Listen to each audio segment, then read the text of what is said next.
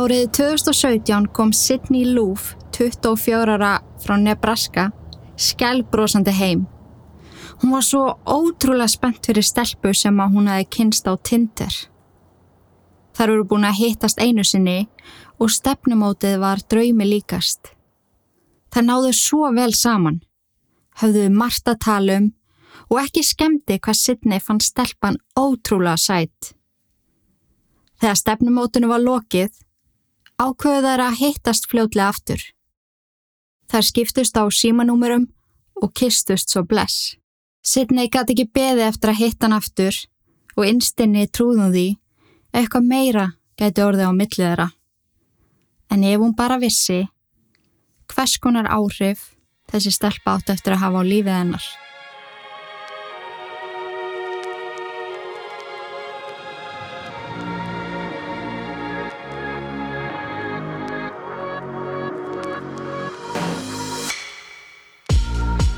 Komið sæl og verið hjartanlega velkomin.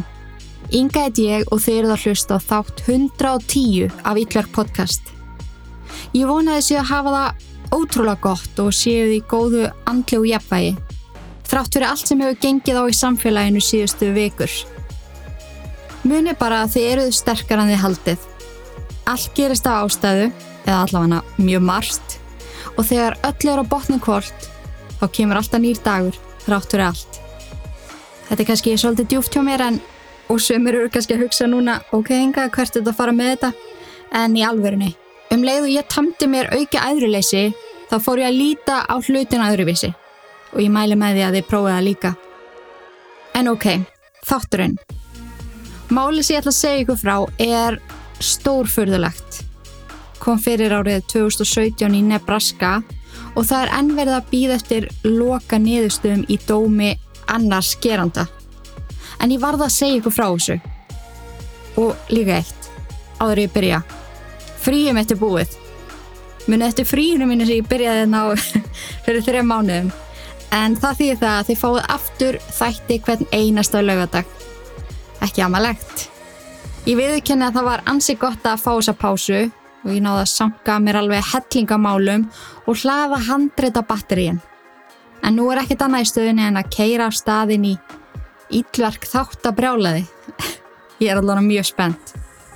En ég vil svo auðvitað minna ykkur á áskriftaleðina mína, Ítlverk Plus sem er stolt mitt og indi. Fimm auka þættir í mánuði fyrir þá sem fá ekki nóg af true crime og þeir sem að skrá sig í dag fá aðganga yfir 50 auka þáttum. Held ég mér að segja 60 auka þáttum.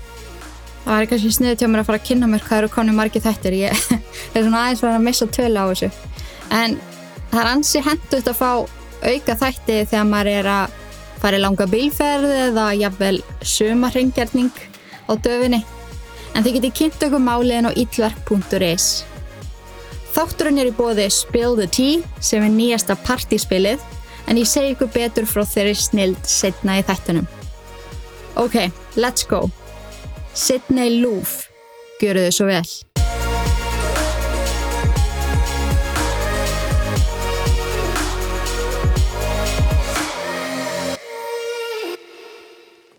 Þann 15. september árið 2017 mætti Sidney Loof skæl brosandi í vinnuna. En hún starfaði hjá Menards sem er verslun sem minnir einnig helst á Bauhaus eða Bíkó eða eitthvað svoleiðis þar sem að þú getur nálgast allt fyrir heimilið og gardin. Hún var mun kátari en vanalega og virtist ótrúlega hamingisum og samstarfsfélagar hennar tók alveg sérstaklega eftir um leið hún lappað inn. Þeir sem að voru nánastrenni í vinnunni vissu að hún hafði átt virkilega erfitt síðustu mánuði andlega. Hafði nokkru sinum beðið á um að taka fyrir sér vakt því að henni leið bara svo ótrúlega illa. En upp út tvítugt fór Sidney að upplifa kvíða sem að var stundum það slæmur að ofsa kvíðakast yfirtókana. Þá gatt hún ekkert annað gert en að liggja í fóstustellingu, hágráta og reyna að anda sig í gegnum þetta, eitthvað sem að við könnum störgla mörg við. Ofan á þennan kvíða sem hún uppliði þjáðust hún ofta þunglindi, mistjúpu og voru köstin algjörlega í takt við tíðarhingin hennar. Og svo ég takja það fram þá er það mjög algengt hjá konum sem að þjásta af þunglindi. Þunglindi fylgjur honum og þú læri með tímanum á hvaða stíi þunglindið er með hvað þú ert í tíðarhingnum. Þetta er mjög áhugavert og alveg ótrúlega skiljanlegt að maður pælir í því svona lífræðilega. Maður gerir sér ekki alltaf grein fyrir því hversu mikil áhrif hormonar geta haft á mann og hvað þá í bland við þunglindi. En þetta hafði allt saman helsti við sittni á eitthvað stuttum tíma og hún var enþá átt að sjá því hvernig þetta virkaði allt saman en ákvaðsamt að opna sig við hennar nánustu samstarfsfélaga sem að sínda henni ótrúlega mikinn skilning og stökku til ef hún treysti sér alls ekki í vinnuna. Setni hafði nýverið hitt lakni sem að skrifa upp á kvíða og þunglindislif sem að voru á þessum tímabúndi farin að virka vel og hún farin að vennjast í að vera léttar í lund og andlega líðan hennar jafnari. Svo með hverju skiptinu sem hún mætti til vinnu eftir hún byrjaði að lifjónum, sást alltaf meiri og meiri munur á henni. Hún var einhvern veginn búin að rétt úr bakinu, gekk með höfiði hátt og fólki sem þótti að væntum hana fannst þetta þetta frábært. En þarna, þann 15. november 2017, var hún mun hressari en vanalega og eitthvað sérstaklega ána með lífið. Í fyrsta lagi þá náttúrulega elska hún lifin sem voru að breyta lífið hennar til eins betra og í öðru lagi þá hafði hún náð fimm dögum án þess að reyka græs. En það var gamall vani sem að hafiði áður fyrir hjálpað henni verulega með kvíðan. Og í þriða lagi þá voru hún búin að vera að spjalla mjög mikið við fárula sæta og skemmtilega stelpu sem að hún hefði kynst á tindir. Og lífið var ansi gott hjá okkar konu, eða það fannst henni allavega. Stelpan sem hún var að tala við hétt Audrey, var 25 ára gömul og bjóði ekkert allt og langt frá Sydney. Þar mötsuðu hver aðra 11. november 2017 og eftir það var ekki aftur snúið. Þar spjalluðu stanslaust og ákveðu svo að hittast hann 14. november. Audrey kom og sótti Sydney í vinnuna þegar hún var búinn og planið þeirra var að fara ekkert að borða en endur svo á því að rúnda allt kvöldið reykja græs og spjalla. Þegar Audrey bauð Sidney að reykja þá saðist hún vera hægt en gati ekki sagt neyfiði að reykja græs með svona fáralega sætri stelpu. Og Sidney fannst þetta kvöld algjörlega fullkomið. Það náðu ótrúlega vel saman, höfðu svo mikið að tala um, höfðu svipaða skoðanir á ýmsum hlutum og það skemmt ekki hvað Audrey var sætt og mögulega var þetta framtíða dæmi. Sidney leiði sér allavega að vona það. Þegar er ákvöðu svo að fara heim þetta kvöld, skipulögðu þær að hittast aftur daginn eftir. Fara kannski í spilavíti og eitthvað fansi út að borða eftir á.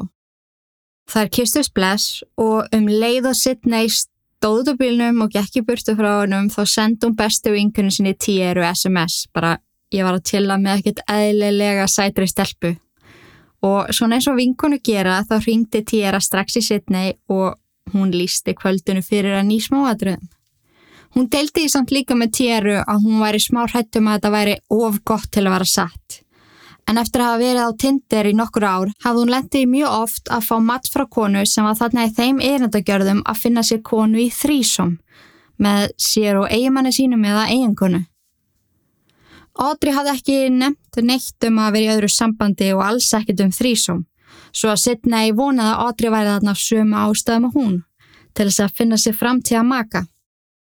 Þegar Sidney fór í háttin þetta kvöld og var við það að sopna, pifti símin hennar. Þetta var SMS frá Audrey og í því stóð Good night gorgeous. Er til eitthvað skemmtilegra en að vera þessu stígi í sambandi þegar maður er að kynnast allt svo nýtt og spennandi. Öll svona skilabóð eru svo mikið svona haminguskot. Þannig að maður skilur svo vel hvernig henni leið akkurat þarna. Sopnaði öruglega skjálbrósandi og spennt.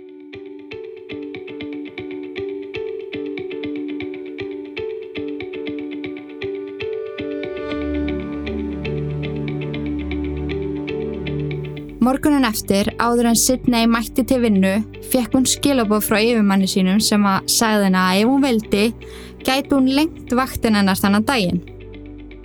Sidney var yfirlegt til í lengri vaktir fyrir auka pening því að hún var að sapna sér fyrir eigin íbúð. En í þetta skipti sagðist hún ekki geta það. Kvöldi var nú þegar skipulagt, hún væri að fara á stefnumót. Þegar Sidney var búin að vera í vinnunni í rúmar 20 mínútur þá pifti síminn hennar. Hún brosti út af eirum þegar hún sá að skilabóðin voru frá Audrey. Hún spurði hvernig hún hefði það í dag. Vinir hennar í vinnunni strítinni góðlátlega. Ok, frökin ástfangin, hvenar er brúðkaupið? Og Sidney hlópar að þeim og beigð ótrúlega spennt eftir því að vakti myndi klárast svo hún geti drifið sér heim og haft sér til. Og hún var nú þegar búin að ákveða í hverju hún ætlaði að vera. Þegar Sidney kláraði að vinna, óg hún heimti sín í íbúðina sem hún legði, farðaði sig, sletta sér hárið, klætti sér svo í skenna hvita blúsu með kvartarmum og blúndu framann á bringunni, svarta pleðuböksur og fór svo í krema flýspeysu yfir því að það var freka kallt í veðri. Hún opnaði svo Snapchat og tók selfie sem hún ætlaði að senda á mömmu sína og vinkonu. Á myndina skrifa hún Ready for my date og emoji kall með hjörtu í augunum. Audrey kom svo og sótt hana. Sidney settist inn í bílinn hennar, þar kistust og rættu um hvað þetta kvöld átti eftir að verða skemmtilegt. Þegar mamma Sidney sá Snapchat myndina var hún fljóta að taka skjáskott. Hún vissi vel að börnin hennar þóld ekki þegar hún gerði þetta því að myndirna sem að þau sendu voru miskóðar og hún átti það til að setja þar á Facebook þar sem hún montaði sig að því hversu falleg börn hún átti. Henni fannst þetta svo frábær myndadóttu sinni, góð í persónulega myndasafni hennar. En Sidney hafði alveg glemt að segja henni frá stefnumótinu, svo mammenar var fyrst að fá þær frétti þarna. Um leið hún var búin að taka skjáskotamyndinni, sendi hún á dóttu sína skilabó og Snapchat. Ég finnst ekki að þú er að fara á date, en Sidney svaraði henn ekki. Dæin eftir, 16. november 2017, fóru vinkonu Sidney að ringja í mömmunar hver af annari upp úr hádegi. En Sidney hafði ekki mætt í vinnuna klukkan 10 og heldur ekki ringt og tilkynnt sig veika eða neitt svoleiðis. Og ég veit að ég segi þetta í öllum málum sem ég tek fyrir, en þetta var virkilega úrtakt að láta engan vita og ætla að segi líka þannig hjá okkur flest öllum. Maður beilar ekkit bara á vinnunni, maður allavega ringir og lígur um að það getur ekki komið. Og ég er ekki að ítundi slíkt by the way en við höfum öllu verið aðna en Sidney hún hafði ekki ringt og ekki svara neinu. Svo það var talið líklegast að hún hefði kannski gist hjá stelpunni sem hún var á stefnumóti með og mögulega sofið yfir sig. Og sé þá núna að hunsa klukkuna og síman þannig áhugjurnar þannig upp úr hádegi voru ekkert allt og miklar En þegar dagunni leið og var að kvöldi komin, þá fóru áhugjörnar að kikka inn. Mammina ringdi í lauruglunum sexleitið og tilkynnti að hún væri ekki búin að ná í dóttu sína og ekkert búin að heyra frá henni. En þegar mammina ringdi þá var besta vinkunarnar búin að ringja, stuttu áður og hafði beði laurugluna um að gera velferðisatúun á heimilennar. Þótt hún væri 24 ára og vanalega er ekkert gert þegar fullotnir einstaklingar hverfa fyrir en 74 klukkutímar eru liðnir, þá samþykti laurugla aðtúa með íbúðinannar. Þeir bönguðu og gerðu grein fyrir sér en fengu ekkert svar. Kíktinn og gluggan sem að snýra út af stegaganginum og það var greinilega allt kveikt inn í íbúðinni, sérst öll ljósinn. Fóreldrana komu svo meðan lauruglan var enn fyrir utan en þau voru með aukalikla af íbúðinni sem að gerða þeim kleift að fara inn.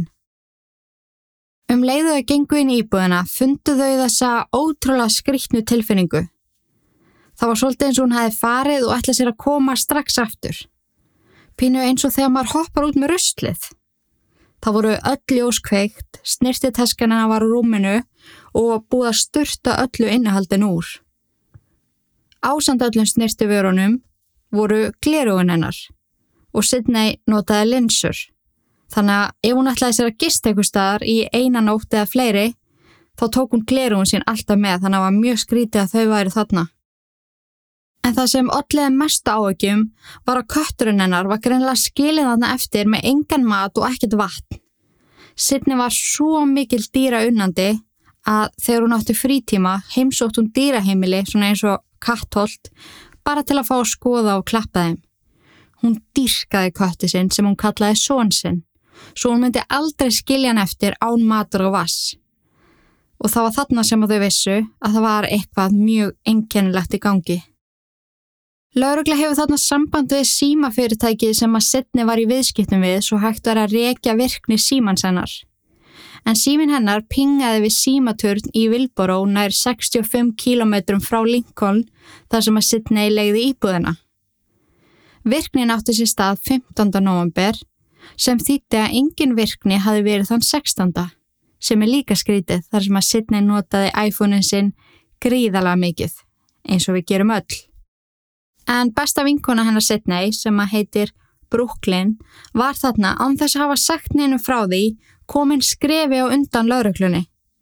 En hún hafi frettað að engin næði í Sidney og hafði heldur ekki náði hana en hún hafi reynt marg ofta um morgunin. Hún ringir þá í Mackenzie, yngri sýstu Sidney og spyr hana hvort hún viti eitthvað um þessa stelpu sem að Sidney fór að hitti. Mackenzie sendir henni þá skjáskot af Tinder prófælnum hjá Audrey sem að Sidney hafði sínt henni kvöldi sem að þær mötsuðu. Brooklyn býr þarna til aðgang inn á Tinder undir fölsku nafni. Þar sem að hún var í sambandi og gata ekki linka sig við sitt Facebook án þess að vekja spurningar hjá fólki en eftir að hafa fletti gegnum aðra grúa af konum, dætt hún loksins neyra á aðgang Audrey og var fljóta mattsana. Og svo við tökum augnablik til að útskjöra hvað ég er að tala um, fyrir þá sem að hafa kannski ekki hugmynd um hvað Tinder er, þá er það sem sagt stefnumóta forrið, en þú færð upp myndra fólki og þú getur svæpa til hægri sem að þýðir að þið er líst á einstaklingin eða til vinstri sem þýðir, nei, mér líst ekki á þig og fólki fær ekki meldingu um að þú hafi séða á forritinu nema að þú svæpi til hægri og það svæpi mynd af þér til hægri. Ef þetta meikar sens. Þetta gerir forritið til þess að tengja bara sama fólk sem að lísta á hvort annað og ég vona að ég sé að útskýra þetta nú vel. Svo eftir að þeir eru búin að mattsa hvort annað og getið sendt skilabóð milli og svona. Mjög skemmtilegt. En Brooklyn svæpa til hægri og Audrey ger það líka og forritið sendi þeim þá meldingu um það og þannig tengjast þær. Brooklyn eigði nokkrum klökkutumum í að vinna sér einn traust Adri sem að enda með að hún fær símanúmerið hennar sem hún afendir lauruglu strax. Það kom fljótlega í ljós að símanúmerið var óreikjanlegt því að það var búið að renna því í gegnum app sem heitir Pinger, eitthvað svona öryggis app. En lauruglan sem er með gríðala reynsla af þessum tiltakna appi náði að lokum að komast að uppbruna númersins. Það var ekki skráð á Audrey, heldur tilheyrði það henni 23 ára gamlu Bailey Boswell. Með númerið, nafnið og að lokum heimilisvangi höndunum fóð lauraglað heimili Bailey sem var staðsett í Vilboro, Nebraska þann 18. november til þess að gera velferðar aðtugun. En þeim þótti líka ansi merkilegt að sími Sidney hafði einmitt pinga hjá törnið skamt frá heimili Bailey. 23 ára gamla Bailey bjóð hana ásand 51 árs gamla Aubrey Trial, kærastanu sínum. Í kjölfari rætti laurugla við eiganda íbúðarinnar sem að þau byggu í. En hjá honum fekk laurugla þær upplýsingar að Bailey og Aubrey væru topp leyendur. Borguðu alltaf á réttum tíma, stundum viku fyrir. Þau heldu öllu hreinu og voru aldrei með læti. Það væri bókstala ekkert hægt að setja út á þau. En það var þó eitt atrið sem að aðrir eigendur í blokkinni kvörtuðu um þann 16. november. Eitthvað sem var rakið af eigandanum til parsins. En skyndilega blossaðu þessi svakala sterka klórlikt. Hún var það sterk að sumi nágrana þeirra fengu hausverk og varð óglatt. Þau afsökuðu sér þvílikt sögustur að hafa verið að þrýfa baðarbyggi og óvart mist klórbrúsan á hliðina sem leti til þess að þessi svakala lykt gauðs upp og þau voru alveg bara ok, sorry, við erum búin að þrýfa þetta upp og þetta gerist ekki fyrir aftur og það var ekkert spáði í þessu neitt meira, það var ekki gert neitt málur þessu. En lauruglu fannst þetta ekki að blíti mál. Gríðarlega klórlikt dægin eftir að Sidney sást síðast. Það var eitthvað meira á baku þetta. Þeir sóttu um leitaheimild og fengana samþekta um hátegi dægin eftir. En í íbúðinni fannst ekki neitt. Það eina sem laurugla tók eftir var að það var allt alveg skurðstofur hreint þarna og þessi klór lykt einhvern veginn fyllti vitera hvar sem þau voru í íbúðinni.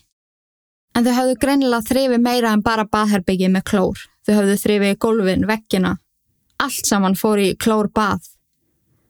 Klór brúsandi tveir voru teknir eins og sönnunagögn og parið kvart í byli þar sem að lauruglan hafiði ekkert halbart á þau. Um kvöldið 16. november þegar það var orðið ansi ljóst að eitthvað hafi komið fyrir Sidney þá byggu fóreldræna til Find Sidney Lou Facebook síðu sem gjössala sprakki loft upp og eftir nokkra klukkutíma voru yfir 20.000 manns búinir að læka síðuna. Allir voru bóðnir og búnir til þess að aðstofa við leitina. Fóreldrana letu líka prenta fyrir sig Missing Person Placket með helstu upplýsingum. Þau fengur svo vini og vandamenn til að aðstofa sig við að hengja þessi placket út um allt. Sidney Loof, 24 ára, 170 cm á hæð, 58 kíló, ljóst hár og stór blá augu. Þau letaði líka að fylgja með að hún var með nokkuð tattu. Yin-yang tattu á hægri upphandlegg, orðið Believe á hægri rist og text á læginu Wonderful með Everclear. Everything will be wonderful someday á innanverðum bæsafnum.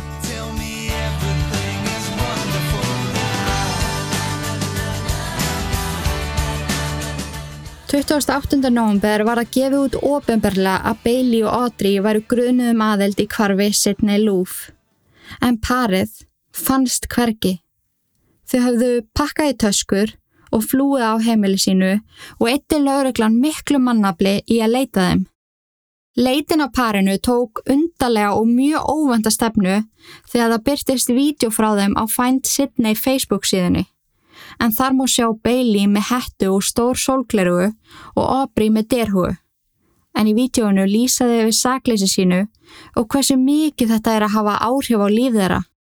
Good morning Lincoln and Omaha and probably several other places.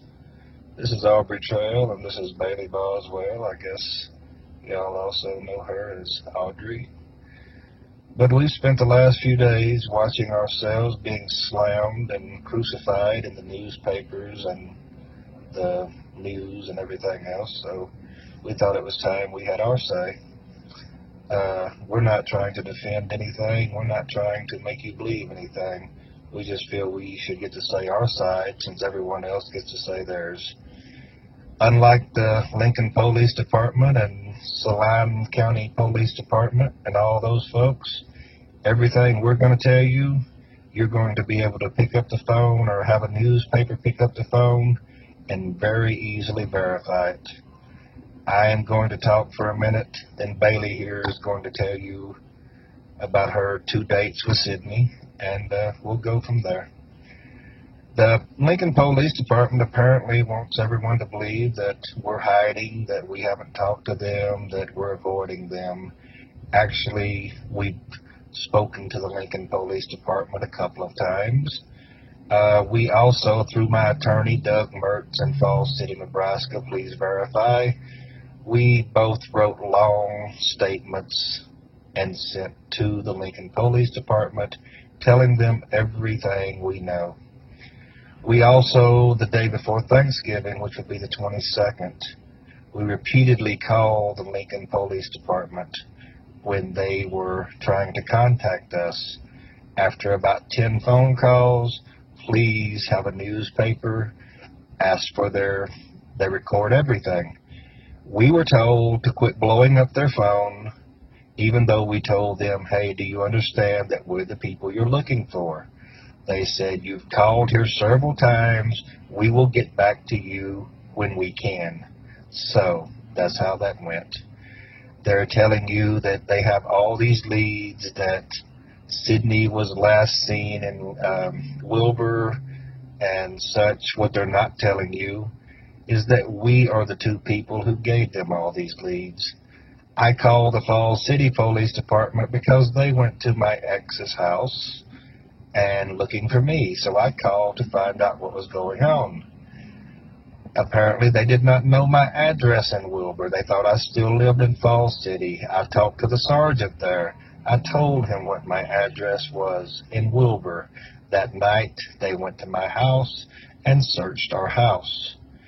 we found out that on the 21st, I think it was, or the 20th, the county attorney in Wilbur, Saline County, filed a warrant against me for a possession of a firearm, which is insane. I have never owned a firearm in 20 years. The next day, according to the papers, the warrant was withdrawn, but the Lincoln paper is not telling you that the warrant was withdrawn because there was no firearm in my house. But they will have you believe that. Uh, several other things. Um, I guess the FBI and the U.S. Marshals and all that good stuff, and a lot of other people with a lot of initials that I have no idea what means is is investigating, looking for us or whatever. We were at our house four days ago. No one showed up. Uh, we were in Wilbur. We've been to Wilbur twice. We have a young lady with us for a week, which is Bailey's sometimes girlfriend. Um, the Omaha police started calling her phone, saying, telling her pretty much that she's in danger with us. So we took her home the day before Thanksgiving. She was with us when Bailey and I were trying to call the Lincoln Police Department. She can verify this if you want her name.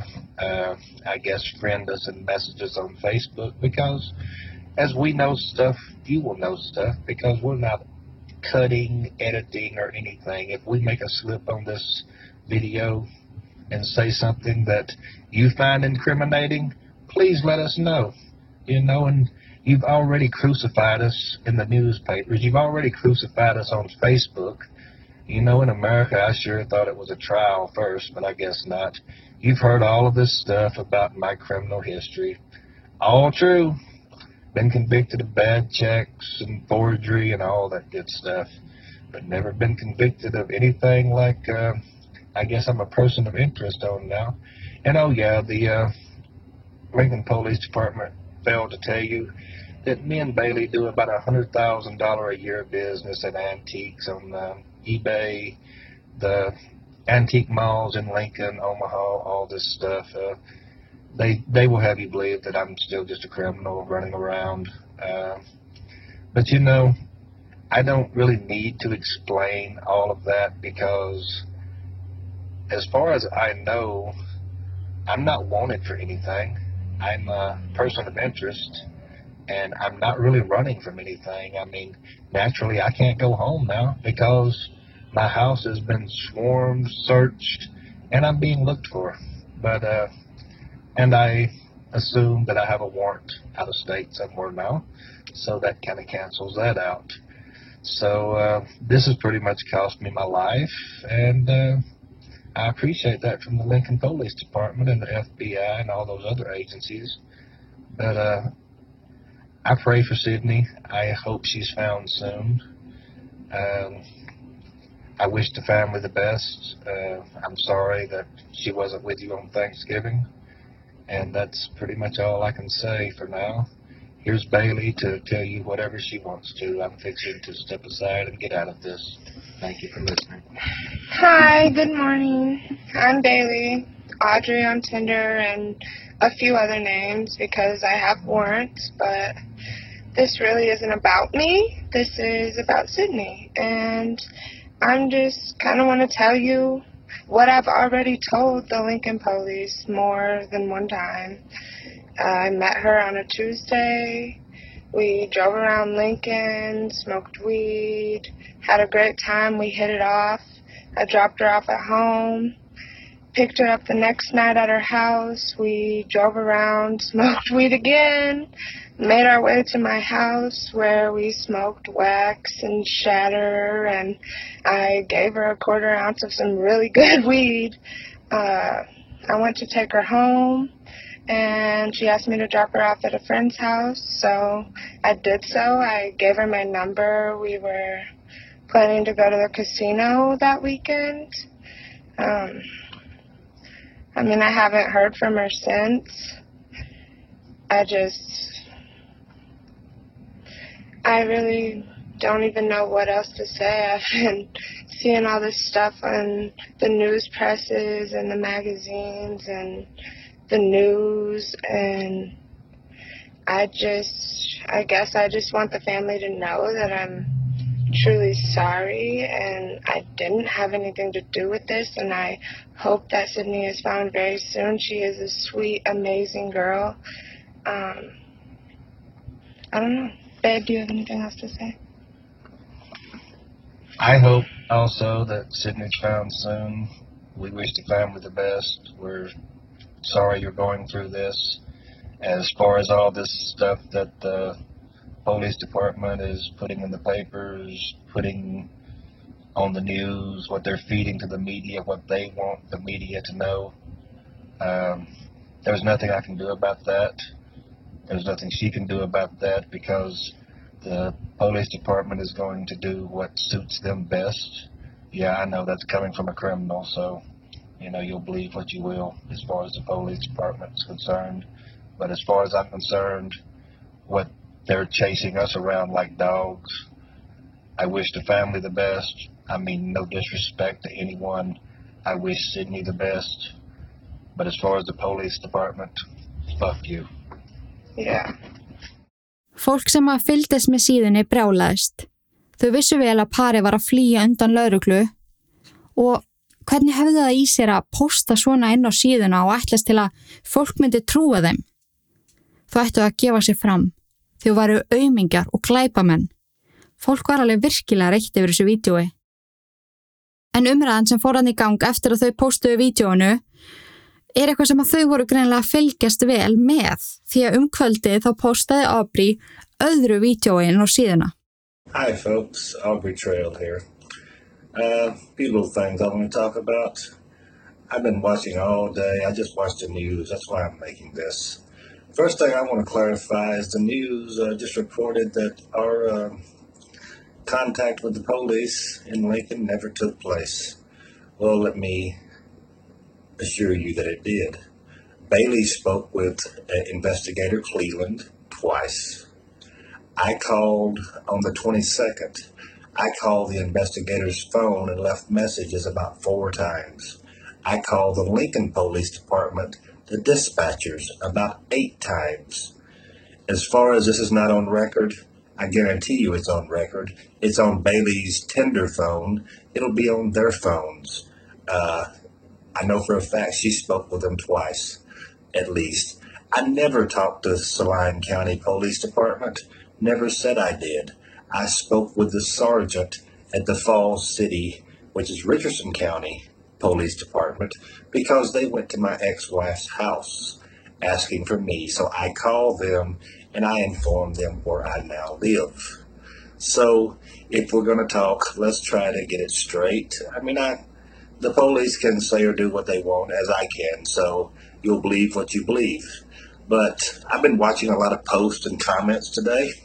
So, so far today, from the comments, uh, we have apparently murdered this lady. We have apparently put her into human trafficking and sold her. And not only did we do that, we used the money. We went to the casino that weekend and used the money that we sold her for. Bailey didn't drop her at a friend's house. She dropped her off at her drug dealer's house, Bailey's, according to the comments you guys are making. Uh, oh, yeah, and don't forget the one that I was in Falls City. I lived in Falls City for a long time. So I have some connection to the Rulo cult because people heard all about that. Um, and just out of curiosity, is it me, or I guess it's just me and, you know, my criminal mind, how that works? Um, the post we made this morning was deleted from the family's Facebook. Totally understandable. My whole Facebook and Bailey's whole Facebook page was deleted. The video was taken off by the feds or whoever took it off. Uh, just curious, are we not allowed to tell our side of this?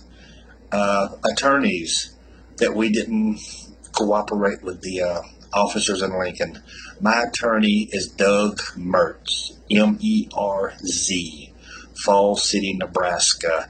He is not only my attorney, he is the county attorney there. Feel free to contact him. He is the one who represents me in pretty much everything when I need representation. I send him mine and Bailey's statement. By now, the Lincoln Police Department should have those statements. Um, Bailey, like I said, talked to Officer Cleveland twice, told him pretty much everything that we have told you today on the video. Someone also made the comment that Bailey said Sydney was this and was that. Folks, go back and review the video. It can't be changed. It can't be edited. It's already posted. All of this stuff that you're saying was said. It's not been said. You're making, maybe we didn't watch this same video. Maybe you didn't watch the video we made. But a lot of the stuff you're saying that was said is nowhere in that video. Uh, someone posted that I said that, that uh, Sydney was with us for a week, but Bailey said that she dropped her off at her friend's. Watch the video. That girl's name was Katie that was with us for a week. The Omaha Police Department started questioning about her, saying she was in deep trouble because she was with us, so we took her home on the 22nd. The 22nd is the day that we blew up the Lincoln Police Department's phone, trying to get someone to talk to us. Three minutes turned into three hours that they were supposed to call us back. And of course, again, I'm just a criminal, so you're going to believe none of this, and I guess it's really irrelevant because we've pretty much decided to turn ourselves in and see where this goes.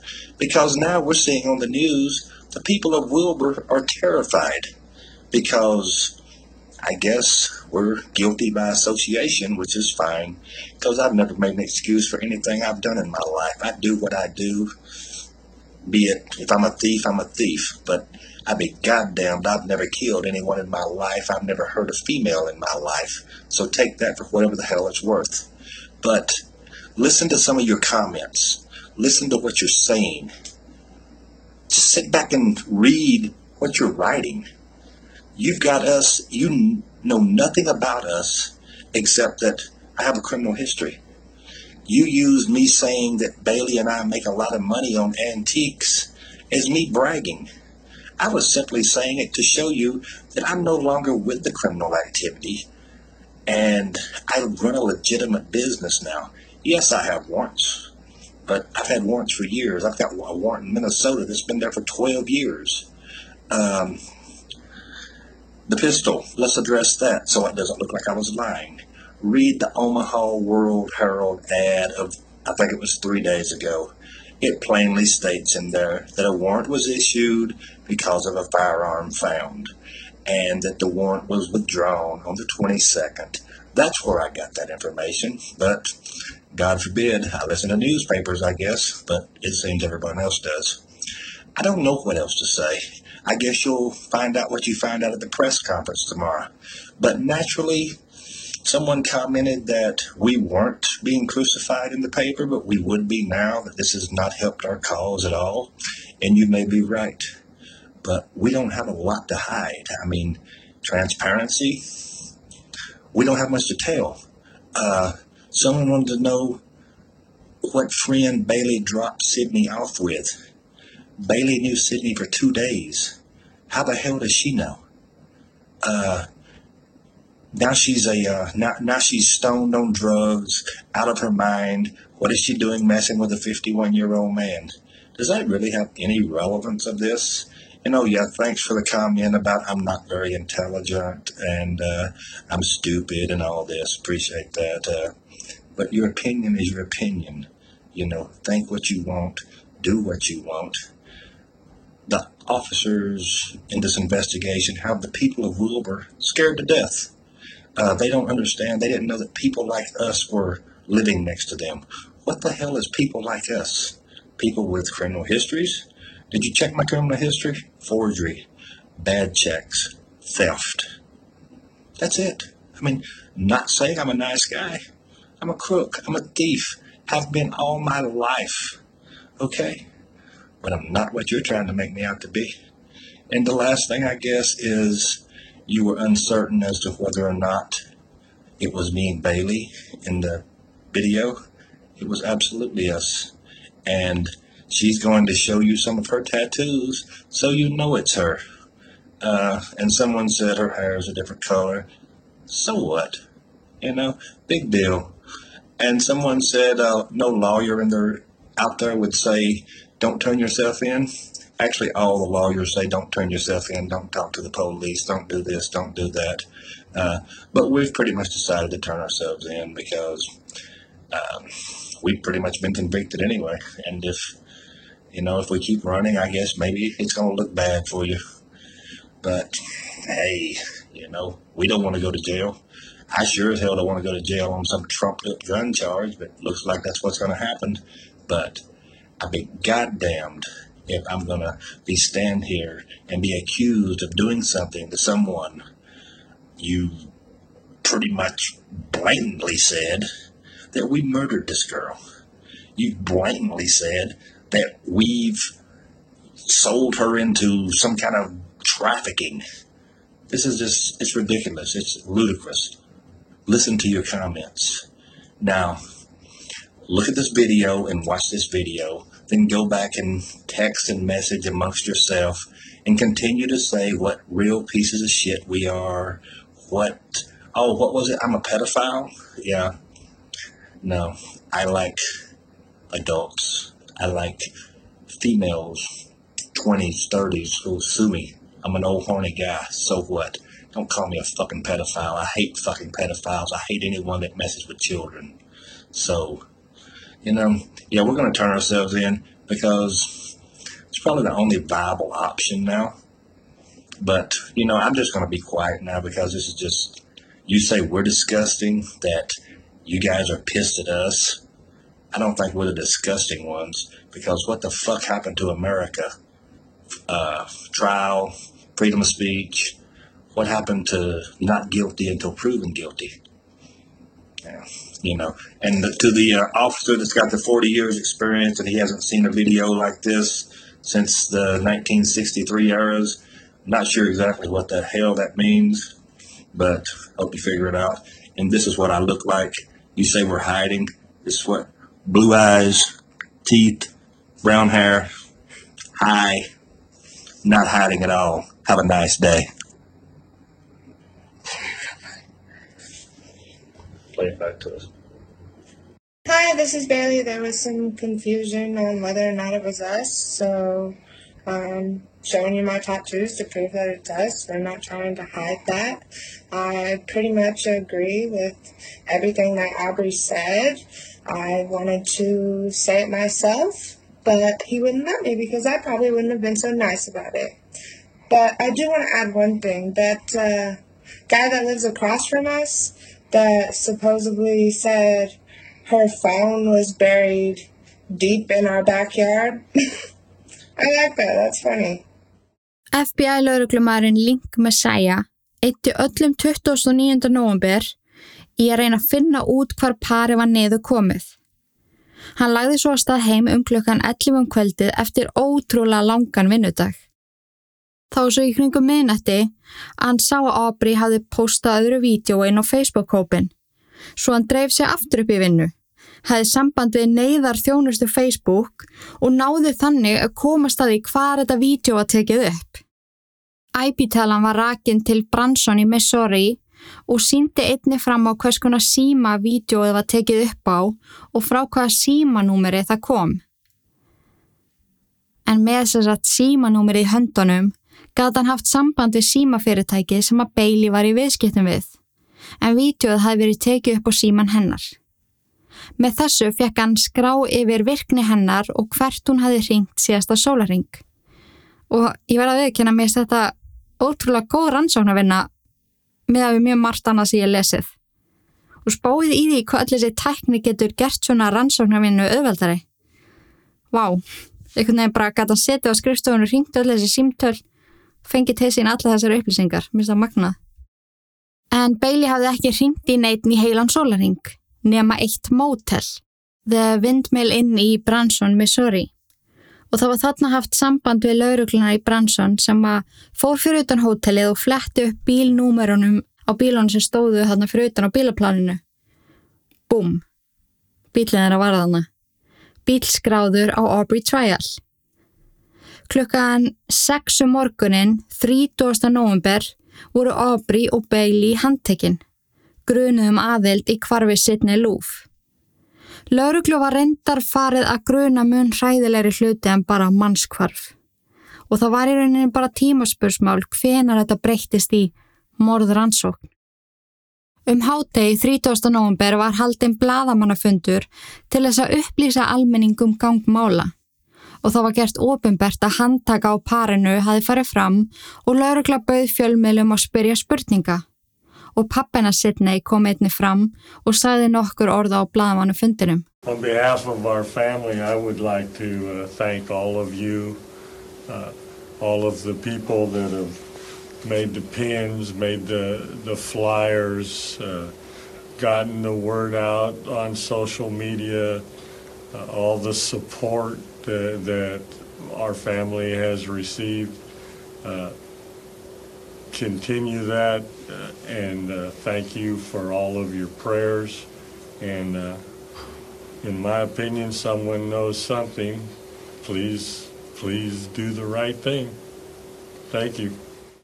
Það kom einnig fram á blagamannafundinum að þau hafi í raunin ekki, ekki teknilega séð verið handtekinn vegna aðeldi í sittni málinu.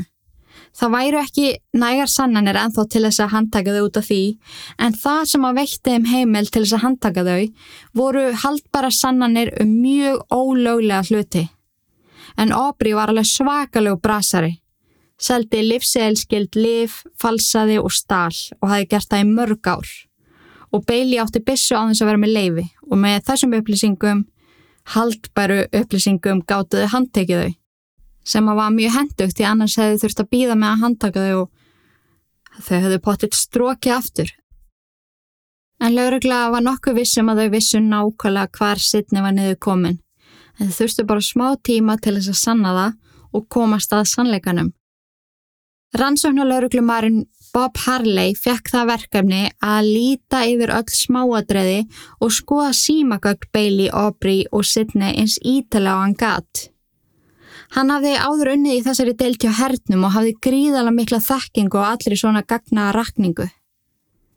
15. november tekur hann eftir því að símar þeirra allra pinga á heimili Bailey og Aubrey. Það er svo ekki meiri virkni í síma Sidney þann daginn. En daginn eftir, þann 16. november, pinga símar Bailey og Aubrey hjá turni rúmum klukkutíma í burtu frá heimilið þeirra, fyrir utan smábæin Edgar.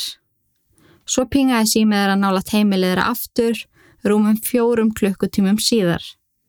Þau hafa greinlega skroppið ángað, gert eitthvað í smá stund, drifið sér svo aftur heim en það er bara spurning hvað voru þau að gera þarna.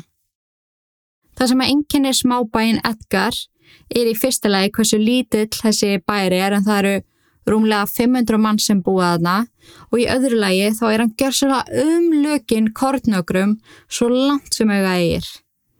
Þau virtust ekki hafa farið inn í bæin heldur stoppað fyrir utan hann sem þýðir að þau stoppuðu hjá þessum stóru ökrum sem að þau hafðu ekkert erindi hjá. Með þessar upplýsingar sapnaði Bob Harley saman teimi sem að fór að Edgar að rannsaka. Bob fann á sér að eitthvað myndi finnast þarna. 4. desember 2017, rúmum þrei vikum eftir að Sidney Kvarf sá kortbondin Jonathan Smith, tugi lauruglu bifriða, beigja inn á grófan malaveg hjá agrinumanns. Hann kerði traktornu sínum til þeirra og spurði hvað þeir væri eiginlega að gera. Þetta væri agurinn hans og hans landaregn. Þeir sögðunum að þeir yrðu að leita þarna, því grunar einstaklingar í mannskvarfi hafi farið þarna um og staðurinn geti varpa ljósi á kvarf ungrar konu. Hann stökniður úr traktornum og bauð fram hjálparhönd. Það leið ekki löngu þar til svartu ruslapóki fannst. Ofan í honum voru tveir afskornir handleikir. Húðflúrið með textanum Everything is going to be wonderful someday blasti við þeim. Mottoið hennar Sidney Lou.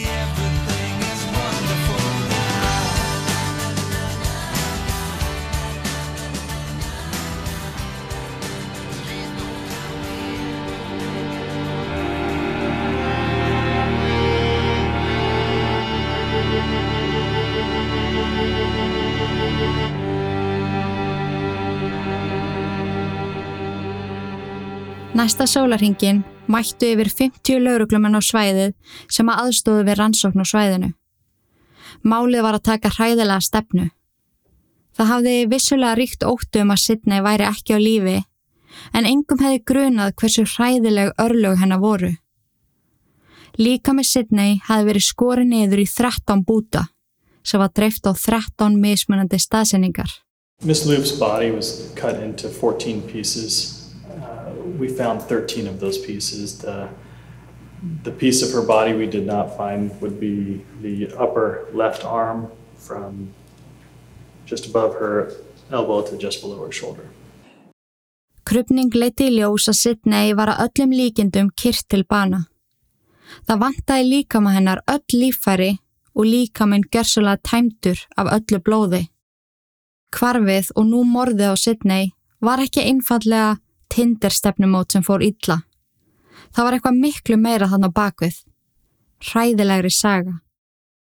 Hvaða fleiri upplýsingum höfðu Bailey og Aubrey haldi frá lauruglu?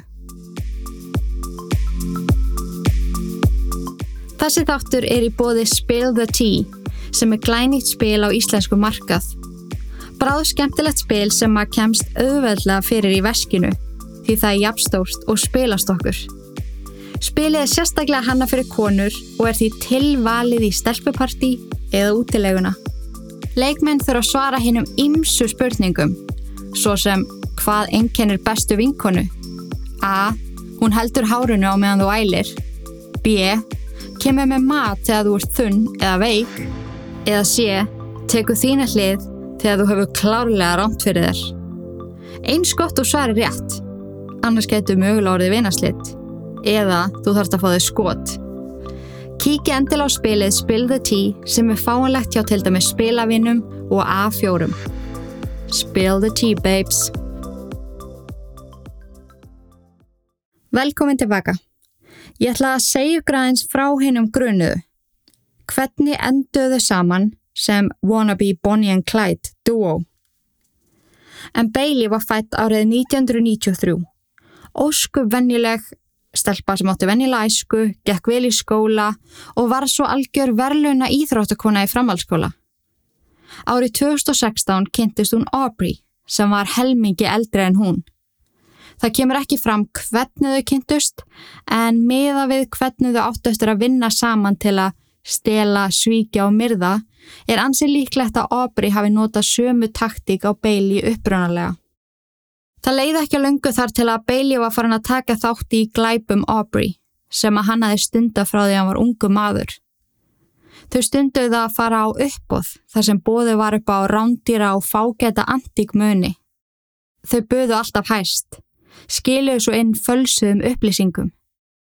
Þegar komi ljósa greiðslumátið þeirra reyndist svindl, voru þau á bak og burt með hlutin og líklega búin að selja hann í öðru fylki. Yfirleitt á svona uppbóðum lekuðu ríkan föður og dóttur sem að hafði ert áhuga á antikmönum frá föðu sínum. Þau klættu sig í sitt fínasta pús og Aubrey tók oft fram rándirann staf sem að hann hafði emitt stólið af einu uppbóðinu. Þau litu vel út, voru tröstveikjandi og virtust hafa mikla þekkingu á dýrgripunum sem bóðinu voru upp. Þau voru líka orðin ansi góði því að stela af slíkum uppbóðum og einni úr antiku verslinum. Plan þeirra var alltaf það sama.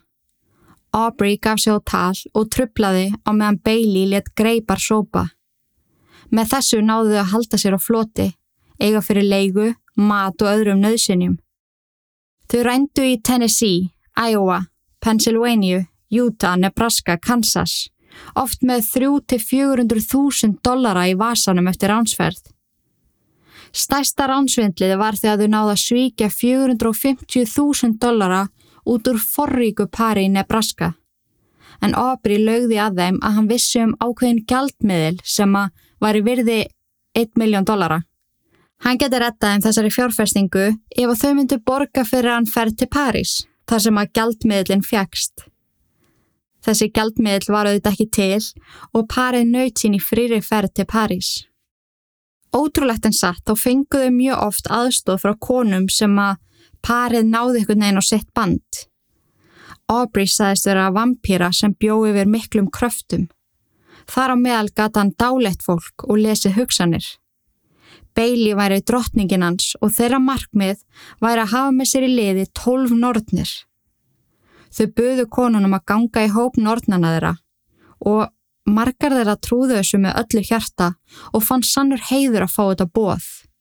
Og ég er ekki einu svona smá að grínast í ykkur eða íkja. Sidney var ekki fyrsta konan sem Bailey hafi lokkað til sín í gegnum Tinder. Anastasia Gilotova var ný útskrifuð úr mentaskóla þegar hún mattsar við Bailey á Tinder en þá var hún átjónar og gömul. Konuna spjalliði mikið saman í gegnum forrætið og þegar þær voru farnar að kynast betur sagði Bailey Anastasiu að hún ætti sigurpappa eða sugar daddy. Hann var að veita henni ansi þægilegt líf og spurði hvort Anastasia hefði áhuga á slíku. Anastasia var á fullu að sapna fyrir háskólanámi og kunni ekki við að byggja fóruldrar sínum að hjálpa sér. Svo henni fannst þetta bóð ekkert allgalið.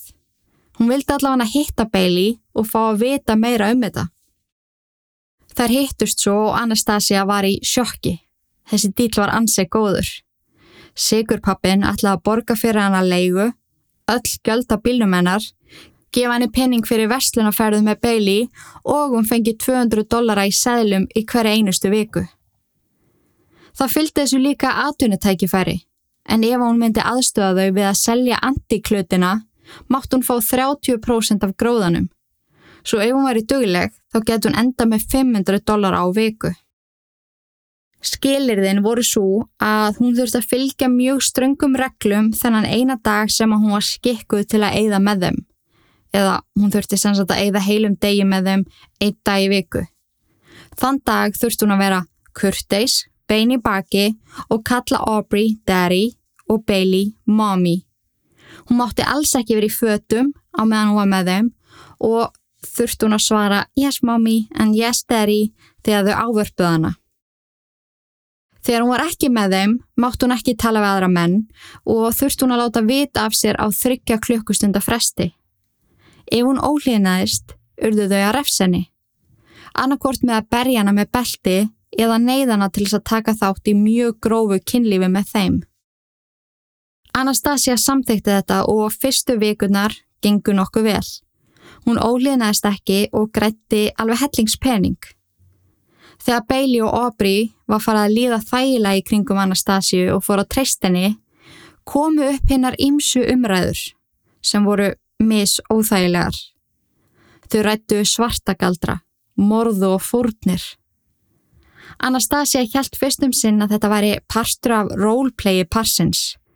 Þau væru bara að segja þetta en þegar þau fóru að skipulegja það að búa til snöffilm þar sem að þau ætlaði að pinta eitthvað til dauða og taka það svo upp og lístu því í smáadriðum hvernig þau ætlaði að berja einstaklingin með hafnaboltakilfu þar til að hvert einasta beini líkamannu væri brotið og ef einstaklingurum væri ekki dáin þegar þau löku sér af þá myndu þau klára með einu með öðrum hætti. Þá hætti henn að lítast á blikuna. Aubrey og Bailey sögðu Anastasíu að þau getur grætt yfir miljón dollara á því að selja slikt vídeo. Og Anastasia var þarna alveg ótrúlega hrætt og með miklar áökjur af því sem hún hefði komið sér í. Fljótlega eftir Anastasia gekk til liðs við þetta hryllilega glæbapar fó Bailey að tala við aðra unga stelpu á Tinder, hérna 20 ára gamlu Ashley Hills. En líkt á með Anastasíu var henni lofa sama sugar daddy deal og sett henni svo sömu reglur. Hún þurfti að kalla þið mommy og daddy og allt það. Eitt kvöldi þegar Asli satt með parinu og horfið á bíomynd, tók Aubrey upp síma sinn og síndi henni myndir af tólf nögtum konum og þar virtust allar meðvitundalösar. Hann sagði henni að þetta væri nortnindar hans tólf og með tímanum, ef hún hagaði sig vel, gæti hún orðið 13. nortninans. Asli var mun meðfærilegri en Anastasia.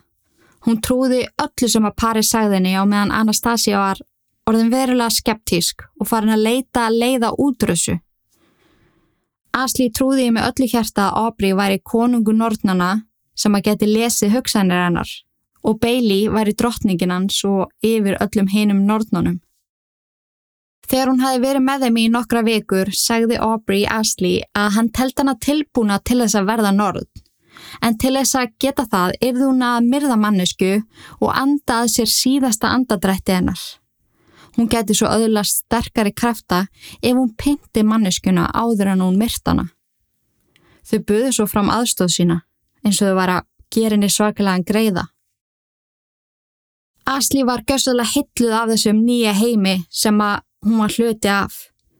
Undarlega kynlífið sem að fylgdi þessu, alla reglurnar, umræður um morðu og galdra, auk þess að stúdra hvernig það ætti að stela antikmunum. Hún trúði því að hún hefði þarna fengið tækifæri upp í hendunar sem hún gata ekki hafnað. Hún var staðföst í því að láta verða að þessu. Hún ætlaði að myrða eitthvað og verða þannig 13. Norn Aubrey. Og frá því hún sagði já, fór þrýeikið í að skipulegja hvernig það ætlaði að finna konu að handahófi og myrðana. Þau fóru dag eftir dag í Volmart og leitu upp í fórnalömp en sáu aldrei neina sem að þeim leysnóðu vel á. Aubrey og Bailey fengur svo hugmynd sem að þeim þótti mun betri en að myrða handahófskenda konu. Þau voru með konu á sínum snærum sem var orðin tregari að fylgja fyrirmælum og virtist fjarlægari upp á síðkastið. Það yrði auðvitað fullkomið fyrir Asli að drepa Anastasíu. En það var á döfinni að fjórmenningarnir færu saman í ránsferð til Pennsylvania, þar sem að stór antikmunna ráðstefna fór fram. Það væri tilvalið að Asley myndi myrða Anastasíu ferðinni og þau getur svo losa sig við hana á leiðin aftur heim. Asli samþýtti þetta þrátt fyrir að vera orðin ansi góð vinkona Anastasíu. Dægin áður en þau átt að leggja stað til Pennsylvania fór Bailey með Asli í TJ Maxx vestlun til þess að kaupa á hana fín fött fyrir ráðstefnina. Allt gekk vel þar til að Asley fór skindilega ofanda inn í mátunarklefanum. Hún saði við Bailey að hún held að hún væri að panika. Það væri að líða yfir hana. Og svo allt í einu þá jafna hún sig og áttaði sig einhvern veginn á því að allur hryllingurinn sem hún hefði meðtekið síðustu daga og morðið sem hún átt að framkvæma var einhvern veginn alltaf skell á henni og alltaf koma saman í hausnum á henni. Þetta var ekki hún, þetta var ekki hegðun sem að hún myndi ykkur tíman vilja temja sér. Hún vildi ekki lengur vera partur af þessu. Hún sagði við Bailey að hún þurfti ekki að skutla sér heim. Hún þurfti aldrei að sjá hann aftur. Það eina sem hún baðum var að vera látin laus úr þessu öllu saman. Bailey hafði þarna samband við Aubrey og þau leiði henni að fara án þess að gera neitt mál úr því. En hótuð henni að ef hún segði frá ykkuru sem hefði farið þar á milli, mynduðu koma og drepa hana og ekki bara hana, heldur alla fjölskyldun hennar eins og hún leggur sig. Asli lofaði því, en þá trúði hún orðum þeirra með öllu hjarta. Nokkru mánuðum síðar yfirgaf Anastasia þau líka og var hótað í sama svo allt í einu stóðu Bailey og Audrey ein eftir, sem að hægði verulega á glæpastar sem er þeirra. Þau fóru því að leita af nýjum konum og var það þá sem að Bailey skráði sig á Tinder sem Audrey.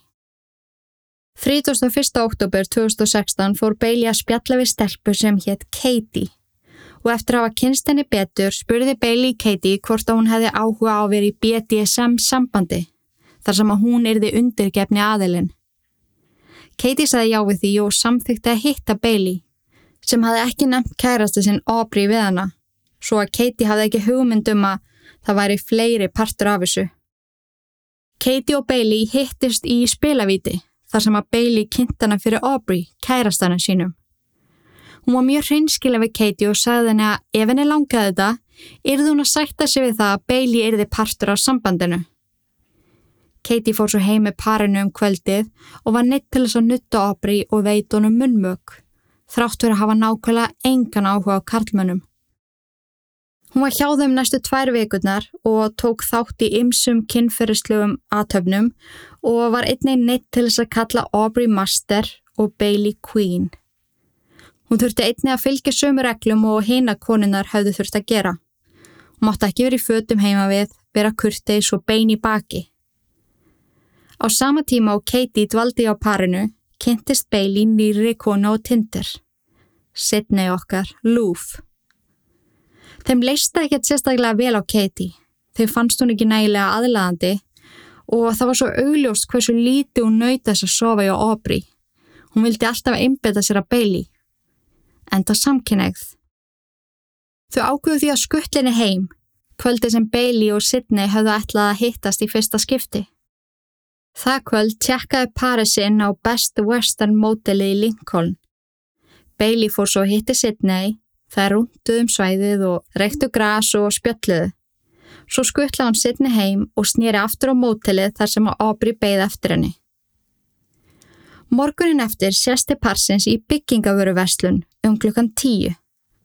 Þar keftu þau plastúka, jártsög, auka blöð í jártsögina, gardklippur, výrklippur og hakkavél. Á meðan þau röldu um búðina og settu þessa hluti í kerruna, sendi Bailey SMS til Sidney. Þakka henni fyrir gerkvöldið og kossin.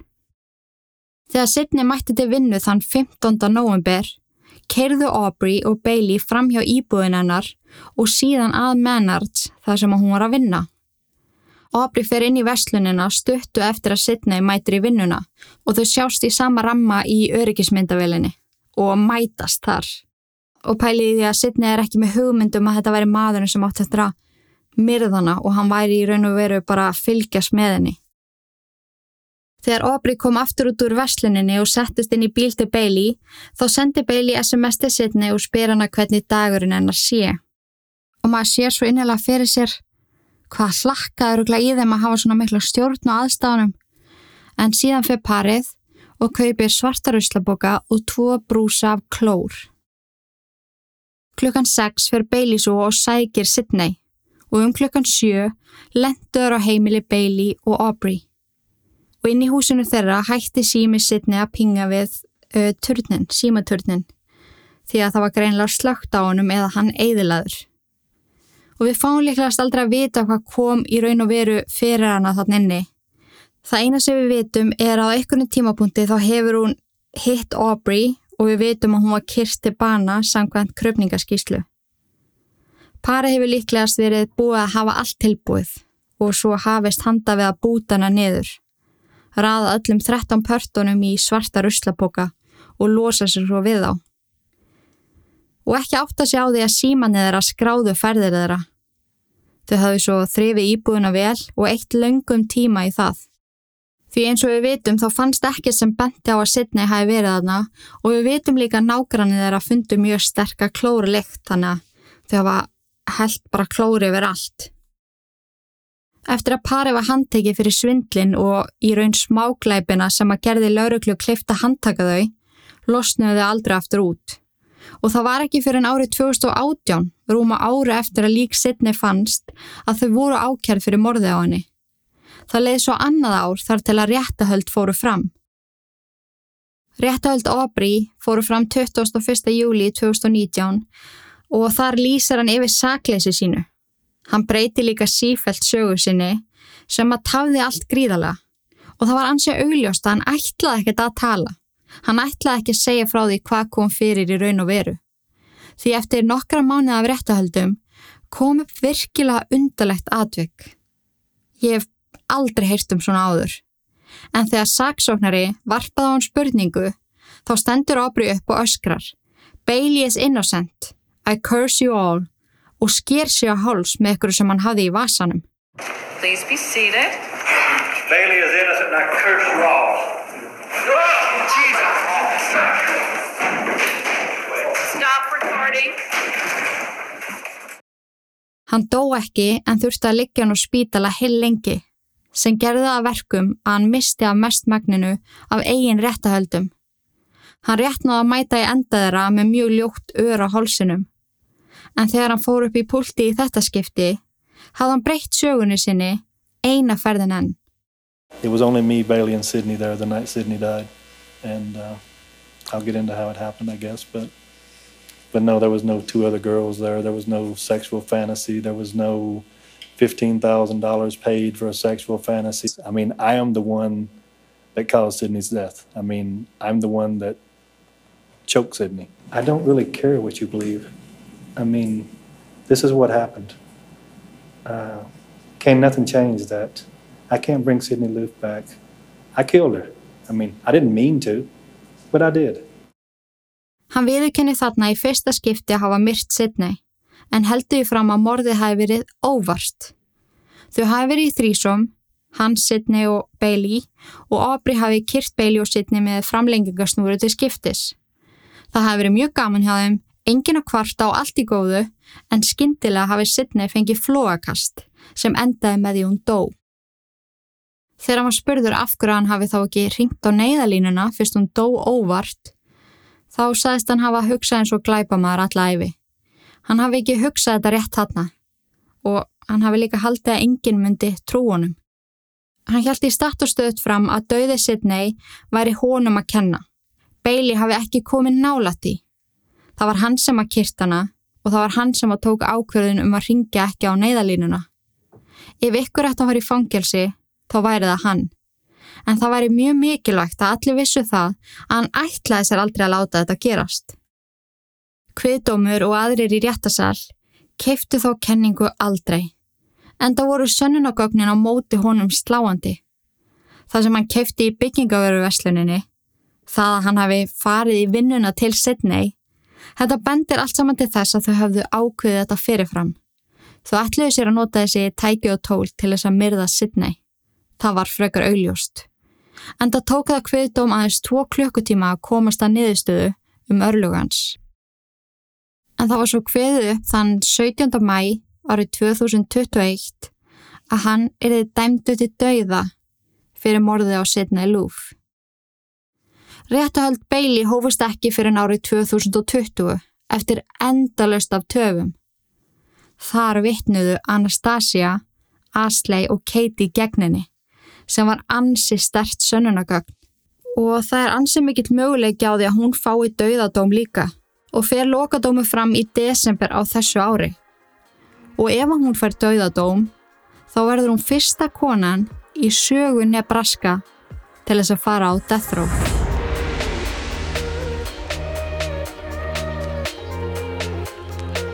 Það kemur manni alltaf óvart að það segja alvörinni til fólk sem getur gert svona lagað.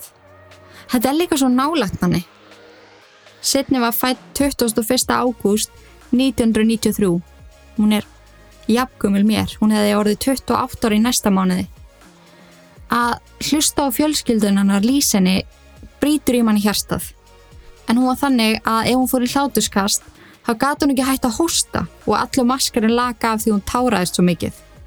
Hún var alltaf að taka sjansa með bensíntankin og endaði mjög ofta á því að ringja í fóröldra sína bensínlaus út í kant.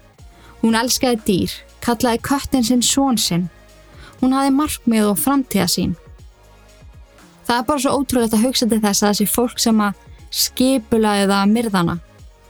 Ótrúlega vennilega stelpu frá Nebraska sem var að vinna í byggingavöruverslun sem er svipu bíkó eða húsásmiðinni. Þetta er magna dæmi og ekkert aðlilega áhugavert mál til að rannsaka. Mér var staðlafana og ég vona ykkur hafi fundist það líka. En takk kærlega fyrir að hlusta og takk fyrir að vera til. Kíkja endilega á Íllurk Plus áskriftarleiðina ef ykkur langar í meira efni frá mér.